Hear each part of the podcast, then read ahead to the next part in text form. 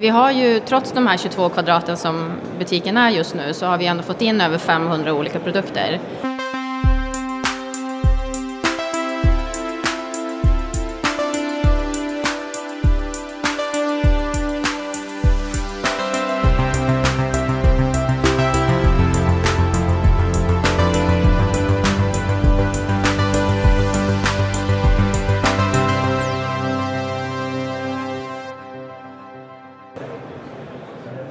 Jaha. Vi provar då. Ja.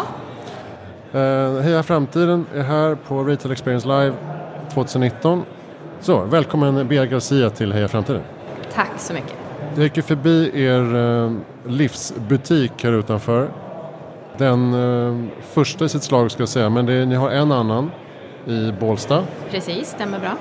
Vad var det du såg eh, som fick dig att eh, ta det här steget?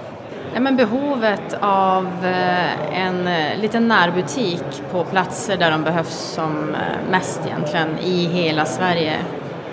Framförallt på landsbygden skulle jag säga. Områden där det är långt till närmsta butik, där många har lagt ner på grund av att det helt enkelt inte går runt för en liten handlare. Mm. Kan det här liksom bidra till en levande landsbygd? Är det liksom lite av eh, grundtanken? Ja, precis. Exakt så. Hur har utvecklingen sett ut då? Från eh, idé till utförande så att säga?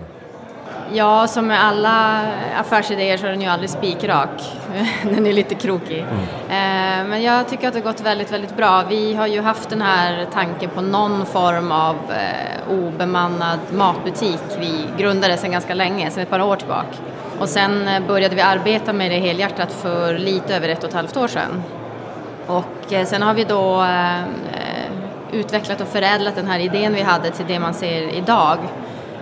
Men för oss är ju egentligen det här, speciellt när det kommer till appen och tekniken, så är det här version 1.0 för oss. Den är ju i ständig utveckling så att säga. Mm. Så att det har, varit, det har varit en resa och det kommer vara fortsatt en resa. Vi ska ändå göra 300 butiker. Så att, eh, men jag tycker nu, eh, nu börjar det släppa och vi har väldigt, väldigt många platser färdiga för våra nya butiker så vi kommer börja en ganska eh, aggressiv utrullning av butiker från och med juni månad. Okej. Okay. Finns det några exempel på ställen de kan hamna på? Ja, vi kommer att fokusera på att bygga butikerna runt omkring området som vi redan har idag i Bålsta. Eh, därför vi bygger alla våra butiker i form av kluster om fem butiker och sen har vi en eh, driftchef, butikschef som sköter de butikerna. Så att vi kikar på områden i eh, Enköping, Uppsala och närliggande då. Mm -hmm. Och ni klustrar nu för att uh, få någon slags proof of concept uh, som ni kan, sen kan skala upp? Eller? Exakt så är det, ja. precis. Vad har varit liksom svårast då med att uh, få till det här? Ja, men alltså jag tycker nog utmaningen, man har ju alltid en massa eh, utmaningar men det är väl tiden skulle jag säga. Som, det tar ju ganska mycket tid att eh, för det första hitta platser eh, och sen är det ju, vi arbetar med tillfälliga bygglov och de eh, ska vinna laga kraft och sådär så det är eh, ett par veckor, ett par månader bort innan butiken faktiskt står där. Eh, så, att, eh, så det är väl en av de delarna som kanske har varit en liten utmaning. Men samma sak där, nu är det också så, det blir lättare ju fler butiker vi får upp. Eh, fler kommuner och fastighetsägare kan ju åka och titta på butikerna och få en känsla för vad det egentligen är. Och sen tillför ju vi faktiskt någonting som har gått förlorat. Så att det här bör ju egentligen alla kommuner vilja ha. Ja, just det. Och man tänker eh, rent funktionellt då, man öppnar dörren med en app själv. Ja. Det finns ingen personal överhuvudtaget. Eh, man plockar på sig varorna och skannar streckkoden Precis. med appen. Um, hur, uh, hur säkert är det? Det har vi ju tänkt naturligtvis väldigt mycket på. Eh, och om vi börjar egentligen från hur butikerna ser ut så är de först och främst väldigt upplysta runt omkring. Med tanke på att de är öppna dygnet runt och man eh, kanske vill handla mitt i natten som kvinna och så vidare, eh, även som man förstås. Men så kan man kanske känna en viss osäkerhet. Eh, så belysning för oss, både utvändigt och invändigt, är jätteviktigt. Eh, sen inne i butiken så finns det eh, övervakningskameror som eh, registrerar allting som händer. Sen finns det även larm på butiken. Eh, och sen vad gäller, eh, om man nu ska prata om stölder av varor och dylikt, så är det ju för det första har vi, eh, vi har ingen tobak, vi har inte ens energidrycker med tanke på att vi inte kan kolla åldersgräns. Så det är inga egentligen stöldbegärliga varor som vi har där inne.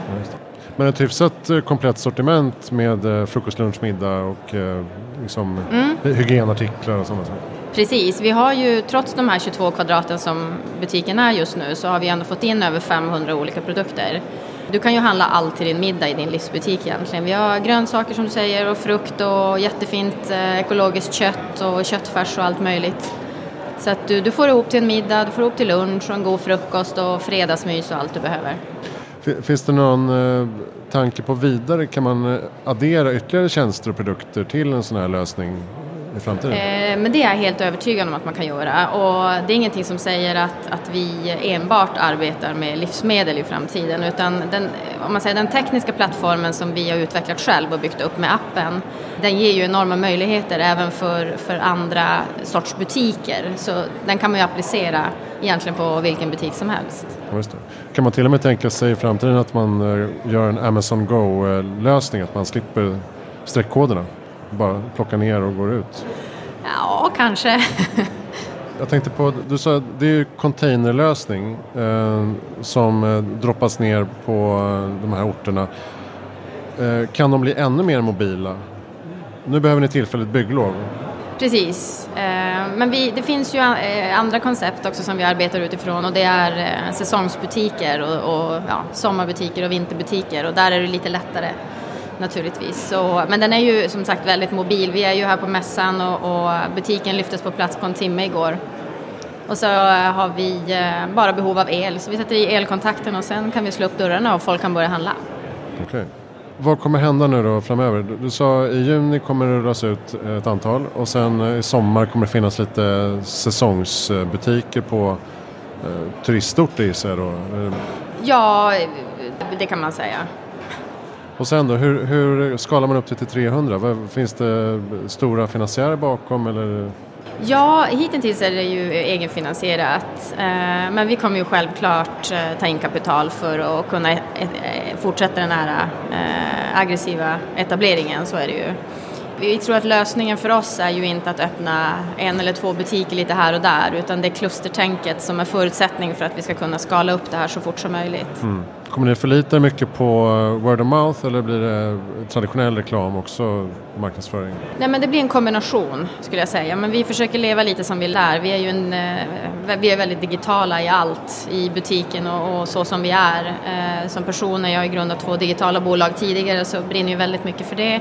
Vi använder oss mycket av sociala medier och, men även traditionella DR-utskick helt enkelt. Ja, just det. Och du sa att kommunerna borde älska det här. Gör de inte det hittills? Eller förstår de eh, möjligheterna? Det beror lite grann på vart i landet du är. Jag skulle säga att de flesta älskar ju naturligtvis konceptet och det är ju ingen som inte vill ha en livsbutik. Men sen kan det vara det att man kan vara lite försiktig och rädd för någonting nytt.